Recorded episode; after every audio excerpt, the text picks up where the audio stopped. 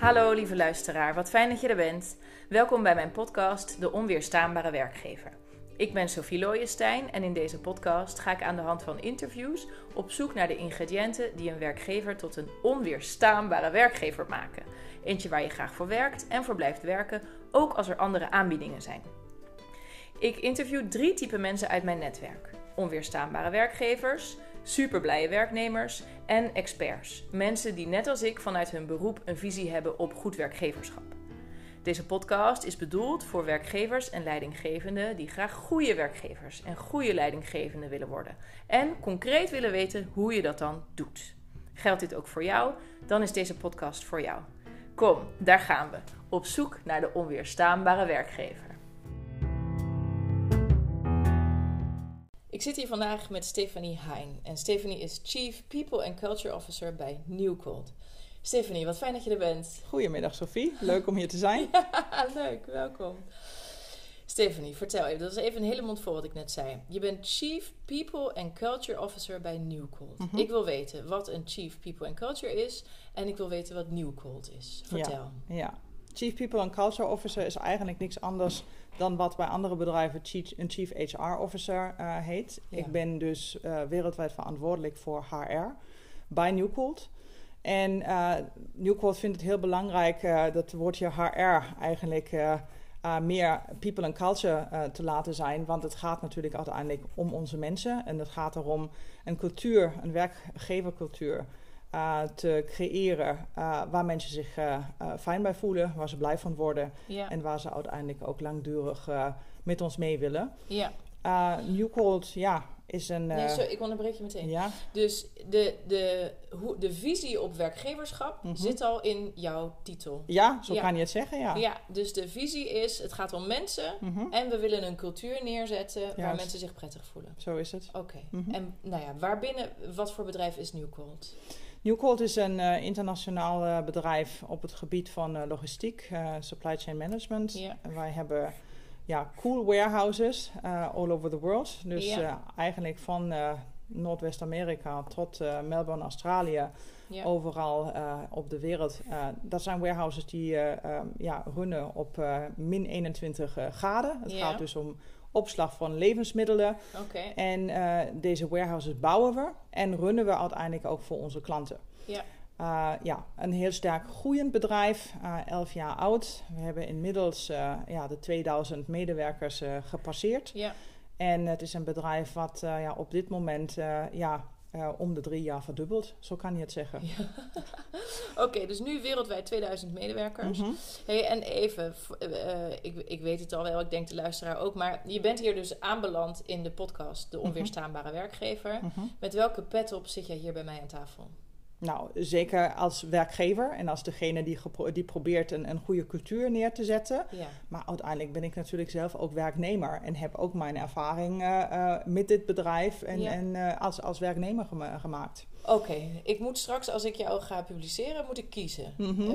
dan is het meer de werkgeverkant, zeker. Ja, ja, ja. En dan gaan we het even opblazen. Gaan ja. we even heel onbescheiden zeggen. Onweerstaanbare werkgever. Absoluut. Ja, ja of in ieder geval een wannabe onweerstaanbare Zo werkgever. Ja. Welke resultaten heb jij uh, vanuit jouw Chief People and Culture Officer rol tot nu toe al nou ja, bereikt? Wat kun je even onze luisteraar geven als een paar cijfers of dingen, indicatoren, dat, dat we even echt ervan overtuigd zijn, ja, hier zit ja. een echte onweerstaanbare werkgever. Ja.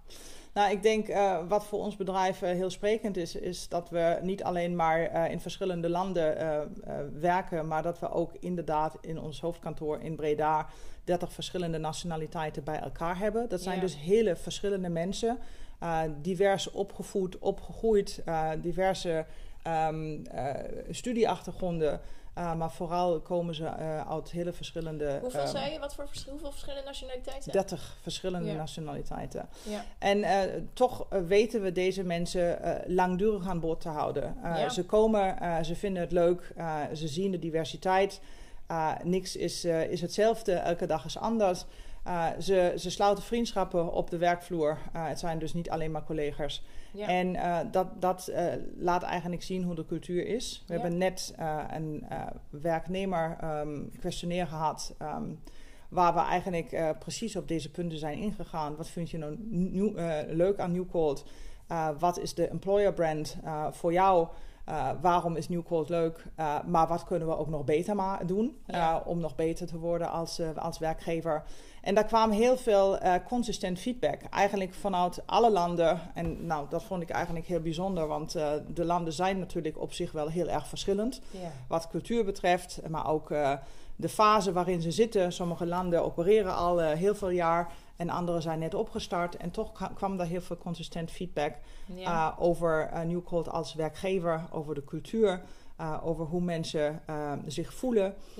en vooral ook, en dat vind ik heel belangrijk, constructief kritiek. Wat kunnen we dus nog beter doen?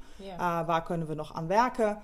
Nou ja, en daar komt dan heel vaak ook uh, communicatie aan bod, bijvoorbeeld uh, informatieverstrekking. Ja, maar heel even, je, je zegt de, de mensen in, die, in, in die, dat questionnaire, um, die vertelden over de cultuur. Mm -hmm. Uh, maar is dat dan positieve feedback, zeg maar? Of wat nou, ja, over de Voor mij is het uh, positief feedback in die zin als dat wij eigenlijk uh, gestart zijn vanuit Nederland om te zeggen, ja, dit is eigenlijk een, een familiebedrijf. Het is opgericht van, van ja, een, een familie. Ja. en nu zijn we echt wel, echt wel aan het groeien tot een corporate.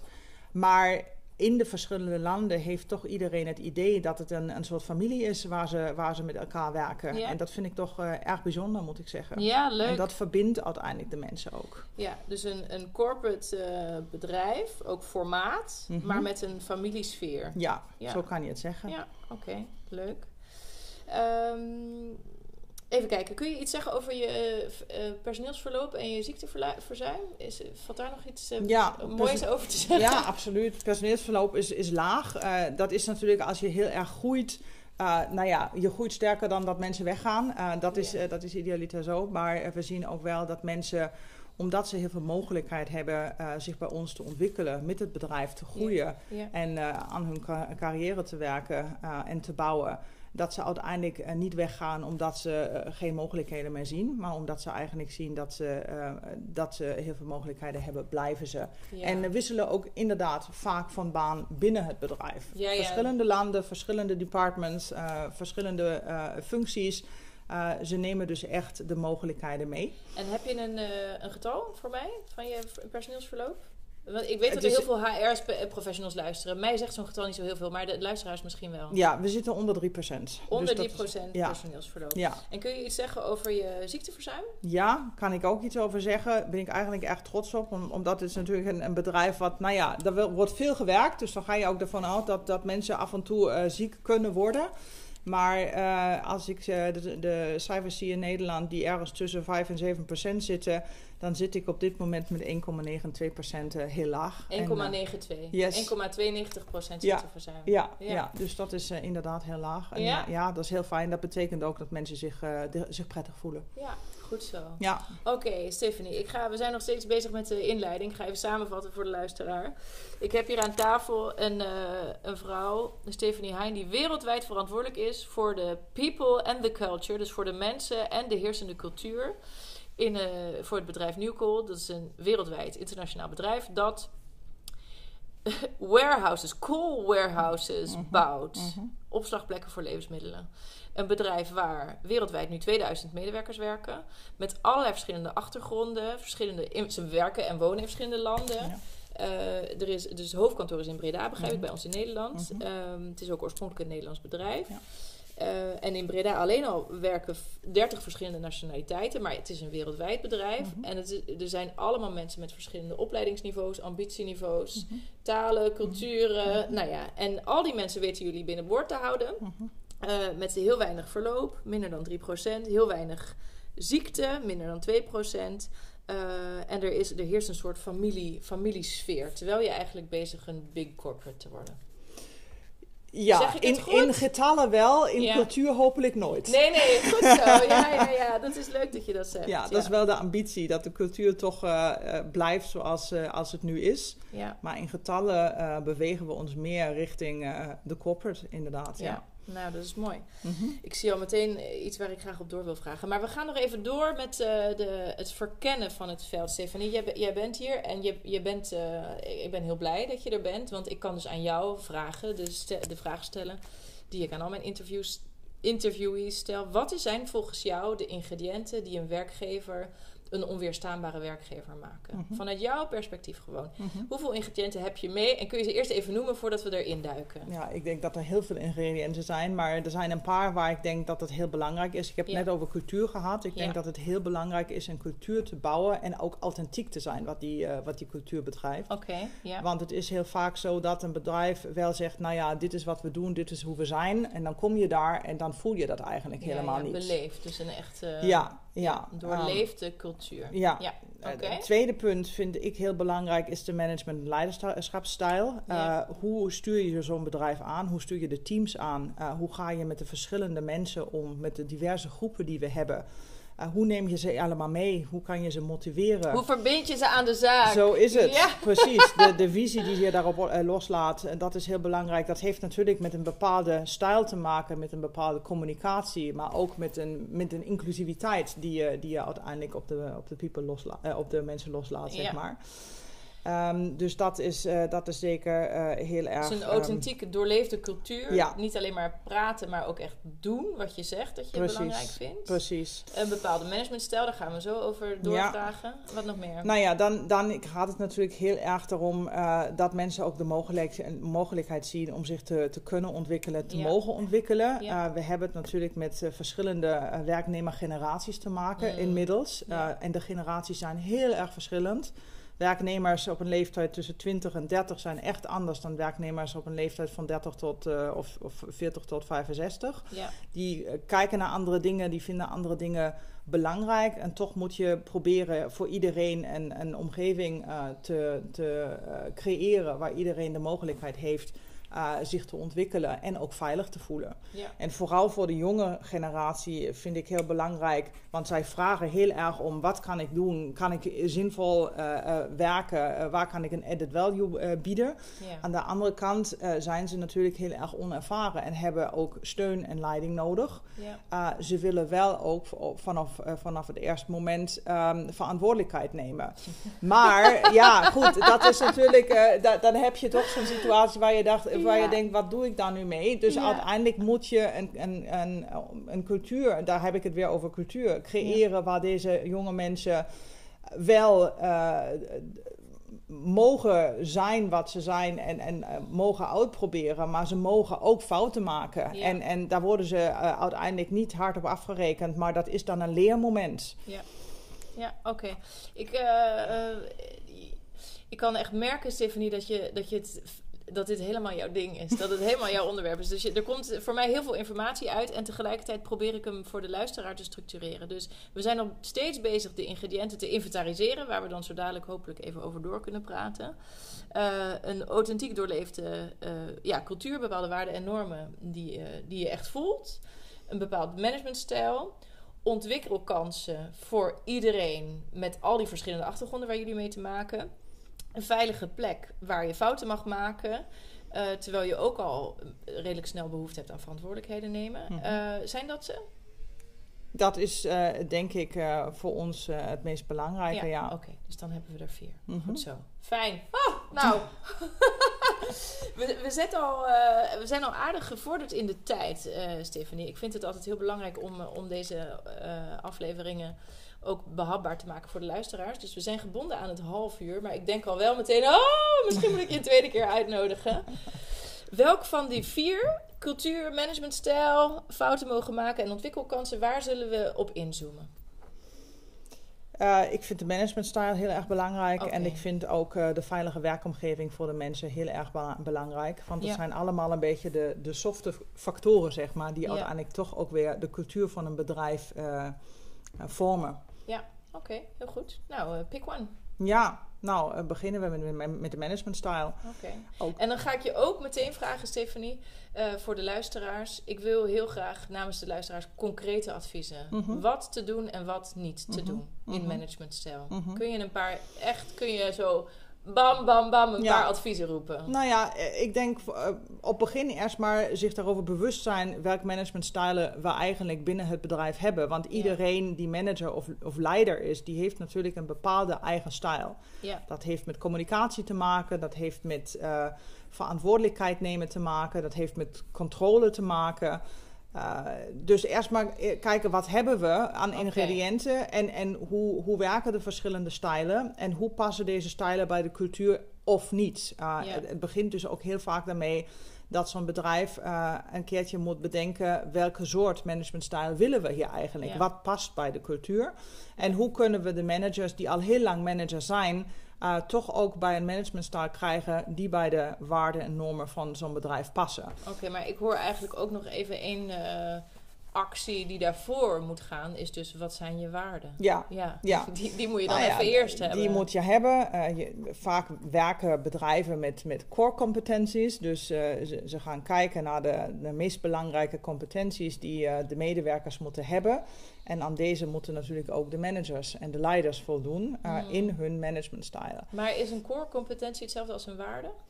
Uh, niet per se. De competenties ligt echt bij, uh, bij de medewerkers. De waarde is meer van hoe wil dat bedrijf zijn? Hoe wil het bedrijf ageren? Hoe wil het bedrijf gezien worden? Ja. ja. ja. Dus eigenlijk stap 1 is zorg dat je waarden helder zijn. Ja. En dan op basis daarvan ga kijken uh, wat voor leiderschapsstijlen hanteren we eigenlijk op dit moment. Precies. En past dat met wat, hoe we willen zijn met die kernwaarden. Juist. Oké. en pik dan één of twee van die leiderschapsstijlen. Uh, dit is wat we willen. Dit is hoe we willen dat onze managers met onze medewerkers omgaan. Ja. En dan gaat het heel vaak over de manier van communiceren. Ja. De manier van informatie uh, verstrekken. Uh, maar ook van uh, werk delegeren, uh, van maar controle heel even, Stefanie, want, want dit gaat over na na na, maar jij bent bezig een wereldwijd heel succesvol bedrijf in te vullen. Mm -hmm. Dus wat is jouw antwoord hierop? Welk leiderschapsstijl werkt bij jullie? Of wat denk jij dat het beste past? En welke vorm van communiceren vind jij wel en niet werken? Dus je mag van mij iets meer ja. kleur bekennen. Wat vind jij goed? Ja, wat bij ons heel erg goed werkt, is een beetje een, een inclusieve leiderschapsstijl. Dus dat uh, teams, medewerkers het idee hebben dat zij uh, mee kunnen bepalen, uh, ja. dat zij gehoord worden voordat een beslissing genomen wordt. Ja. dat zij uiteindelijk ook hun, hun mening kwijt kunnen. Uh, je kan natuurlijk niet een beslissing nemen die, uh, die iedereen uh, blij maakt. uiteindelijk moet je toch als leider zeggen: Nou, ja. ik heb iedereen gehoord, ik heb alles afgewogen en dit gaan we doen. Ja. En dat zijn vaak ook snelle en onbewuste processen. Maar het is heel belangrijk mensen, medewerkers mee te nemen in dit beslissingsproces. Ja, en niet alleen maar te zeggen: Nou, dit is hoe we het gaan doen. En dat niet verder uit te leggen. Maar uiteindelijk een beetje het verhaal te maken van uh, dit is de situatie, uh, dit is waar we tegenaan lopen, dit zijn de verschillende dingen uh, die we zouden kunnen doen. En om deze redenen kiezen we voor deze beslissing. Ja, oké. Dus dus eerst gaf je adviezen van verken even welke stijl je past bij je waarden. Maar eh, hè, als we concreet kijken naar New Cold, dan werkt bij jullie heel goed die inclusieve ja. stijl mensen mee laten bepalen en dat of meenemen in het, beslis voor, in het besluitvormingsproces. Wat niet wil zeggen dat, je, dat iedereen zijn zin krijgt, Juist. maar dat je in ieder geval mensen betrekt en helder communiceert over welke belangen uiteindelijk doorslaggevend zijn, ja. bijvoorbeeld. Ja. Oké, heel goed. En wat heel belangrijk is daar ook te zien. Um, mensen zijn ontevreden als ze het gevoel hebben dat ze buiten voorgelaten worden. Dat ze buiten, uiteindelijk dat ze, dat ze uh, buiten gelaten worden. Ja, buiten gesloten. Of, uh, ja, ja, dat je bijvoorbeeld zegt, nou ja, hier is een beslissing genomen, uh, hier is de informatie daarover. En mensen zeggen, oh, oh dat heb ik helemaal niet aan, aanzien komen. Oh, dus en, als ze overvallen worden. Ja, ja, Dus, dus het gaat eigenlijk echt erom dat ze meegenomen worden in dat proces. En um, dat ze voldoende en op tijd de informatie krijgen. Ja, oké. Okay. Ik schrijf op als tip: overval mensen niet. Mm -hmm. Geef ze voldoende en tijdige informatie. Ja, prima. Is dit wat je kwijt wil over de managementstijl? Ja. Ja, mm -hmm. dus uh, eh, kies, kies je stijl en stick to it. Mhm. Ehm, zorg dat die overeenkomt met de kernwaarden van het bedrijf. En Ja. in, in jullie geval is een inclusieve stijl belangrijk. Ja. Ja, en je had het over kies één of twee stijlen. Is er dan nog een tweede stijl die bij jullie eh Nou ja, kijk, wij hebben natuurlijk met heel veel verschillende landen en daardoor ook verschillende culturen te maken. Ja. En bij de, in de ene cultuur werkt zo'n inclusieve eh, ehm, eh, stijl heel goed. In Nederland bijvoorbeeld werkt dat heel goed. Maar je hebt ook landen waar alles heel veel hiërarchischer is. En waar je toch uiteindelijk iemand hebt, of daar wordt naar gevraagd, dat iemand de, de uiteindelijke beslissing neemt. Ja. Zegt, dit is wat we gaan doen. Dat wordt in sommige landen veel makkelijker geaccepteerd dan hier. Ja, ja. Dus als je weet dat de cultuur op die manier in elkaar zit, dan kan je wel de mensen meenemen en informeren over het beslissingsproces. Maar dan moet je wel zeggen: dit is de beslissing en daar begin je. Ja, ik begrijp het. Dus hou ook rekening met de culturele. Ja. eh, de, ja, ik kan me voorstellen dat, eh, nou ja, dat het in China eh, moet gewoon iemand zeggen: Ik ben de baas en dit Zo is het is het. antwoord. En, en dan Zo werkt is het. pas. Ja. Oké. Heel goed. Nou, dan kunnen we nog even praten over de veiligheid. hè? Mhm. Wat, vind je, wat wil je daarover kwijt? En vooral dan concrete adviezen graag. Ja. Ja, ik, eh, ik bekijk dus op dit moment inderdaad verschillende eh, werknemersgroepen en vooral ook de verschillende generaties. En ik zie dat er heel veel eh, onderscheid in, in zit in wat ze willen, wat ze fijn vinden, hoe ze tegen hun eigen carrière aankijken. En als ik het nu, als ik nu een van die, van die twee eruit haal, dan, dan eh, wil ik het eigenlijk over de jonge generatie hebben die ehm, heel veel ehm, dingen vraagt en, en vordert op, op, eh, op begin. En zegt, nou, dit is wat ik wil, ik heb gestudeerd, ik, dit is wat ik kan. Ik hoor daar heel veel wil. mensen over klagen. dat die jonge nou ja, generatie je, je, zo snel je kan daarover wil. klagen of, of je kan daar iets mee doen. Eh, en wij moeten er iets mee doen, want dat is, dat is nu eenmaal de generatie die, die uiteindelijk eh, ehm, nou ja, dat, dat, de wereld inkomt, de werkwereld inkomt en waar we als eh, werknemers mee eh, te maken krijgen. Werkgevers, ja. Ehm, eh, werkgevers te maken krijgen. In, inderdaad. Dus ehm, wat doe je daarmee? En ze, de meeste mensen die wij aannemen. Ehm, die selecteren we eigenlijk eh, op hun drive. Eh, in die zin als dat we, we willen iemand hebben die een beetje entrepreneurial thinking heeft. Die eh, een drive heeft, die een bijdrage wil Dus leveren. even voor de, voor de luisteraar die misschien niet altijd even goed Engels spreekt. entre- entrepreneurial thinking. Dus je Mhm. wil, je, jullie nemen mensen aan bij New Cold die ondernemersgezind zijn. Of Ja. een soort ondernemende manier van, van denken hebben. Die ook iets, aan iets willen bouwen, een bijdrage willen leveren. Want het is natuurlijk een sterk groeiend bedrijf. Dus zij komen naar ons toe omdat ze dat willen Omdat ze beleven. aan de slag willen. Zo, Ja. geef mij iets te doen. Precies, Ja, precies. Ze, willen, ze willen eigenlijk deze, deze reis meemaken met ons en zien hoe is dat nu van een start-up naar een scale-up en hoe voelt dat dan en wat kan ik bijdragen. Ja. En wij nemen natuurlijk ook heel veel mensen aan eh, omdat zij een bepaalde expertise hebben. Ja. En eh, dat is eigenlijk heel belangrijk, ook voor jonge mensen, dat we, dat we erkennen, ze hebben een bepaalde eh, opleiding gedaan. Ze hebben een bepaalde expertise waar ze op door willen groeien. Ja. Daarvoor nemen we ze aan, daarop zetten we ze in. Maar ja, we kunnen natuurlijk niet ervan uitgaan met, met weinig tot geen werkervaring dat ze alles al weten en kunnen. Ja. Dus we moeten hun ondersteunen. Ja. We moeten hun, hun helpen. We moeten hun een beetje de, de juiste kant op duwen Ja. zonder hen in hun vrijheid te beperken. Eh, ja, dat, dat is, dat is een, een, een balansakte op dat moment. En eh, dat, is, dat is natuurlijk iets waar je, waar je inderdaad eh, mee te maken krijgt. Dus eh, Hoe noemde je, ik, ik vond het heel fijn hoe je het zei. Dus je moet hun expertise erkennen. ja, eh, en ze ook wel hè, verantwoordelijkheid geven. Maar Ja. je moet ze helpen zich te ontwikkelen. Ja. En tegelijkertijd, je zei nou ja, ze, eh, of, ja ze, ze- je moet ze natuurlijk ook, ook niet, je moet ze niet beperken. Hè? Ze Oh ja, dat was het. hun vrijheid. Precies, ze Oh, willen hun vrijheid ja. hebben. Ja? Dat, zij geven aan wat ze prettig vinden. Kijk, je, hebt, je hebt een sollicitatiegesprek en het eerste wat ze vragen is... nou, kan ik van thuis werken? Kan ik parttime werken? Het gaat eigenlijk alleen maar om hun comfort en vrijheid. Dat Ja. is voor hun veel belangrijker dan een salaris voor, eh, eh, bijvoorbeeld. Ja, En ook op de werkvloer willen zij een bepaalde flexibiliteit en vrijheid hebben. ja. Uh, die geef je vaak aan, aan medewerkers als je weet, nou, die kan het, die weet het, die doet het, daar hoef ik Ja, niet meer ja, naar te kijken. Maar bij de jonge generatie moet je dat eigenlijk vanaf begin geven, zonder Ja. dat je weet, gaat dat ook wel lukken. Hè? Dus eh, wat dat betreft moet je daar even een, een oog op hebben en, en kijken hoe ver kan je ze echt loslaten, maar hun wel proberen het gevoel te geven dat ze de vrijheid hebben om zich te kunnen ontplooien. Ja, ja, ja. Ja. Ja, een heel, uh, wat je zei, balanceeract. Ja, dat is het. Want je wil ze ook graag binnenhouden, want ze hebben expertise en je hebt mensen nodig. Ja. En je ziet bij hen de, de drive, hè? ik wil wat. En dat is het type mens wat je wil. Precies. Want wat ik zei, ik hoor veel mensen mopperen over de, ja, over de zoveel eisende jongere generaties. En dat ze gewoon eh, nog niet zoveel kunnen of nog geen sporen hebben verdiend, maar wel al heel veel denken te kunnen of willen, willen mogen. Ja.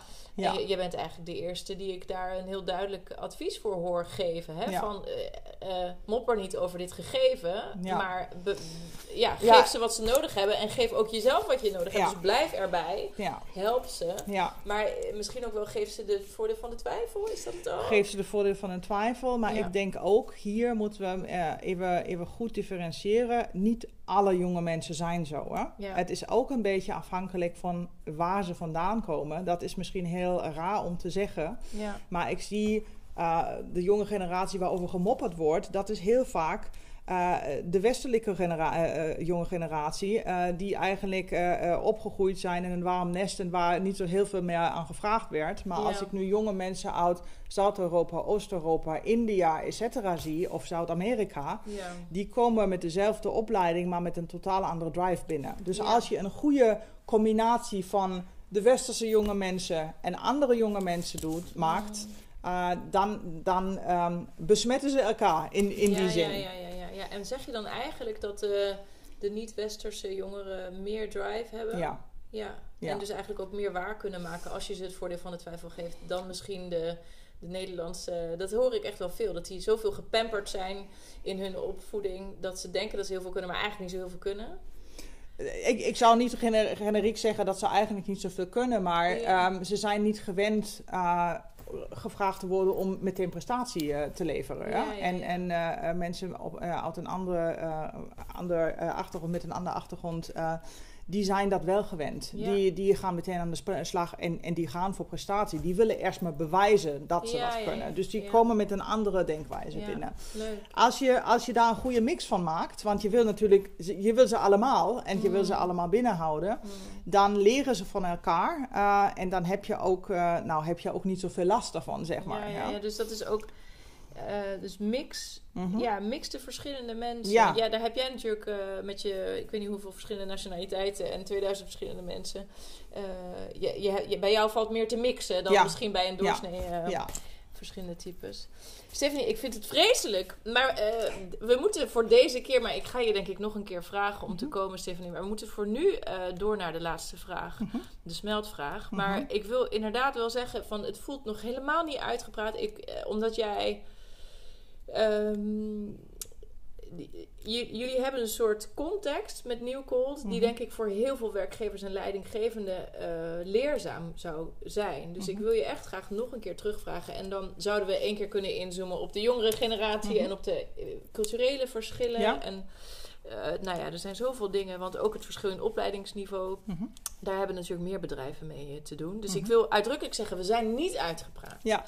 En uh, ik ga jou vragen, heb jij voor mij een concreet voorbeeld van onweerstaanbaar werkgeverschap? De, de smeltvraag. Dat je dat zelf hebt gezien bij jezelf of bij een, een collega van jou.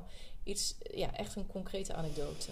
Nou ja, ik heb het uh, inderdaad bij mezelf gezien. Uh, voordat ik bij Newcourt kwam, had ik ook een hele leuke baan. Yeah. waar ik ook heel, uh, heel blij was bij een um, IT-staffing en, en consultingbedrijf. Waar ik directeur voor operations en HR was. En ook daar had ik heel veel vrijheid en heel veel mogelijkheid om, om dingen te doen en, en mee te bepalen. Uh, een fantastische uh, uh, baas. En, en ik had eigenlijk niet daarover nagedacht iets anders te willen doen. En toen kwam dus de kans bij Newcold ja. terecht. En um, ik zag bij Newcold eigenlijk heel veel mogelijkheid voor mij om mijn expertise één op één in te brengen. En ja. het vertrouwen te krijgen dat, dat ik weet wat we, wat we er moeten doen. Ja. Dus um, waar smelt iemand als die voor zijn expertise gewaardeerd wordt. Als die binnengehaald wordt en gezegd wordt, eh, letterlijk gezegd wordt: wij weten het niet, jij moet het voor ons regelen. Ja. Uh, en je krijgt een soort voorsprong op vertrouwen. En uh, mensen gaan jou als, als expert bevragen en geven je ook de vrijheid om een team te bouwen zoals je denkt dat het nodig is, systemen te implementeren zoals je denkt dat het nodig is, processen mm. op, te, op te zetten mm. en alles eigenlijk zo in te richten. Ehm, op eh, basis van de expertise die, die je hebt. Um, en uh, ja, voor, voor, de, voor de grootte en de fase waarin de bedrijf, het bedrijf zich uh, net bevindt. die vrijheid vond ik inderdaad onweerstaanbaar. Ik ben, wat, dat heb ik eerder tegen jou gezegd, ik ben meer een bouwer dan iemand die maintenance doet. Dus, dan een onderhouder. Precies. Ja. Dus ik ben meer degene die, uh, die uh, het leuk vindt om, om nieuwe dingen te bouwen, um, verandering uh, vooruit te, te, te, drijven, transitiefases mee te maken, change mee te maken. Um, dat is uitdagend, dat is leuk. Mm -hmm. En nou ja, dat was eigenlijk het moment dat ik dacht: ja, dit, dit kan ik niet aan mij voorbij laten gaan. Dit moet ik doen. Dus ja. dat was echt een aantrekkingskracht van dit bedrijf en van deze taak. Ja. Dat ik zei: ja, daar eh, smolt je voor. Terwijl je had een hele fijne baan. Een Fantastisch. ongelooflijk onweerstaanbare werkgever. En toen ben je naar een, een andere onweerstaanbare werkgever gegaan. En wat voor jou de doorslag gaf was... Ik word inge, ingevlogen vanwege wat ik kan. Dus mhm. mijn expertise wordt gewaardeerd. Die kan ik inzetten. En ik krijg daar alle vertrouwen en de vrijheid in om het te doen zoals ik denk dat het goed is. Juist. Ja. Ik neem ook even aan dat er gewoon budget was. Ja, nou ja, dat, dat is zo. Dat moet je natuurlijk wel hebben. Dus uh, de, de, beslissing was genomen. We hebben een professionele internationale HR-afdeling nodig. Maar hoe dan? Wat moeten we dan mee? Er was niemand met die expertise. Ja, we gaan Stefanie vragen en ze mag het helemaal doen naar zo eigen inzicht. Fantastisch, ja. ja. En dan is een bouwer zoals jij, die gaat dan helemaal likken baarden. Zo, zo. is het. Oh, laat me maar. Ja, ja, wat goed. Ja. Hey, en uh, even als afsluiting, eh, gewoon uit nieuwsgierigheid, voordat ik ga samenvatten. Hoe, hoe lang denk je dat, er nog, dat je nog gaat bouwen daar? Wanneer, wanneer raak je uitgekeken? Wanneer nou, ik denk dat dat, uh, dat dat wel nog een tijdje duurt. Ik heb natuurlijk uh, toen ik kwam echt de basis neergezet. En de basis is inderdaad wat ik, wat ik net zei. Standaard processen, uh, workflows, systemen, guidelines. Um, maar ook zo, programma's zoals talentontwikkeling, learning and development, um, succession planning. Uh, recruitment, employer branding. Er was helemaal niks. En nu ben ik eigenlijk dat ik denk, ja, de basis staat. Dus 40, 45 procent van wat je normaliter als bedrijf van dat dit soort uh, omvang moet hebben, staat nu. En nu kunnen we eigenlijk echt inzoomen op verschillende dingen die belangrijk zijn. Nou, ik heb het net over de, de um, uh, employee survey gehad. Uh, waar we eigenlijk de, de data wilden we genereren om dan een employer brand te kunnen bouwen uh, volgend jaar. En employer brand, daar praten heel veel mensen over als het gaat om het aantrekken van nieuw talent uh, van buiten. Dat is één belangrijk ding. Maar voor mij gaat het ook daarom dat we de mensen die we hebben uh, dat we ze binden. En dat daar, dat daar een, een, een recognition programma, programma komt, um, dat de mensen zich ook gewaardeerd voelen voor wat ze doen. Want zij zijn elke dag daar. Zij werken elke dag in de kou voor ons. Dat moeten we niet vergeten. Min 21 hè? graden. Ja. ja, ja. Dus je wil je, wil, uh, je echt gaan positioneren, uh, zowel naar buiten voor het aantrekken van nieuwe krachten, maar vooral naar binnen van dit zijn wij dit vinden wij belangrijk. En dat mensen daar uh, ja, een bepaald gevoel van nou, verbondenheid uit halen. Precies. Ja. ja. Stephanie, we moeten echt stoppen. Ik ga mijn ogen sluiten en heel intuïtief samenvatten. Wat heb ik nou van jou geleerd?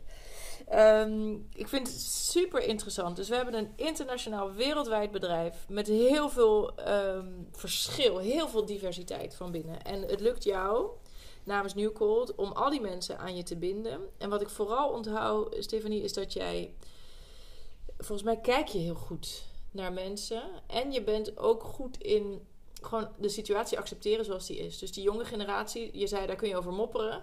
Maar je kunt er ook gewoon iets mee doen. En die balanceer act mhm. van uh, geef ze wat ze nodig hebben. Want je hebt ze nodig. En tegelijkertijd hou vinger aan de pols. Mix ze met de mensen waar ze goede uh, invloed van, uh, van hebben. En heel concreet voor, voor de luisteraars. Uh, ja, kies, denk na over managementstijl en wat past bij de identiteit van het bedrijf. Bij jullie werkt de inclusieve stijl heel goed. Mensen meenemen in het besluitvormingsproces. En dat ze niet overvallen worden met uh, veranderingen, maar dat je ze tijdig en voldoende informatie geeft. En dan nou, de veiligheid om fouten te maken en om te groeien. En vooral, ik heb je ook wel gehoord over de over de drive. Hè? Mensen die bij jullie werken, die willen echt meegroeien. En, en uh, die, um, daar selecteer je ze op. En daar ze vallen ervoor dat ze die ontwikkelkansen hebben. En die geef je ze vervolgens ook op het tempo en de manier waarop die bij hen passen. Precies. Ja.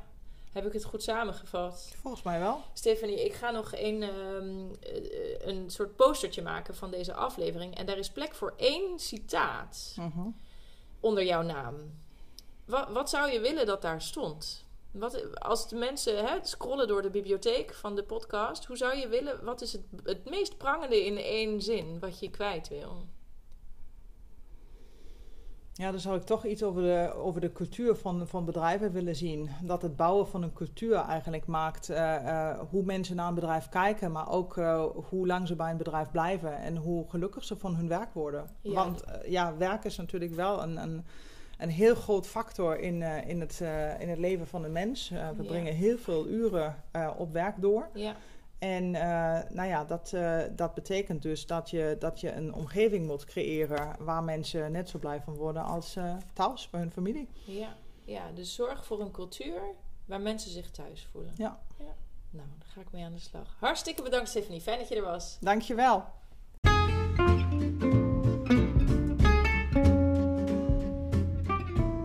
Zo, dat was weer een aflevering van de podcast De Onweerstaanbare Werkgever. Ik ben Sophie Looijenstein, ik ben expert menselijke verbinding en ik help werkgevers en leidinggevenden mensen te verbinden aan de zaak. Vond je deze podcast nou nuttig en denk je ook als je het zo hoort, hmm, ik heb niet alles op orde, zorg dan dat je het in orde maakt. Waarschijnlijk heb je daar hulp bij nodig, anders had je het al gedaan. Nou, je kunt mij vragen of iemand anders vragen, maar dat maakt niet uit als je het maar regelt. Want jij en jouw werknemers verdienen een veel leuker leven. En zoals je dat hoort in deze podcast, zijn er allemaal dingen die je daaraan kunt doen. Laat je in de comments weten welke tip voor jou het nuttigst was. Dat vind ik gewoon leuk om te horen. Nou, dankjewel voor je aandacht en tot de volgende keer. Groeten van Sof.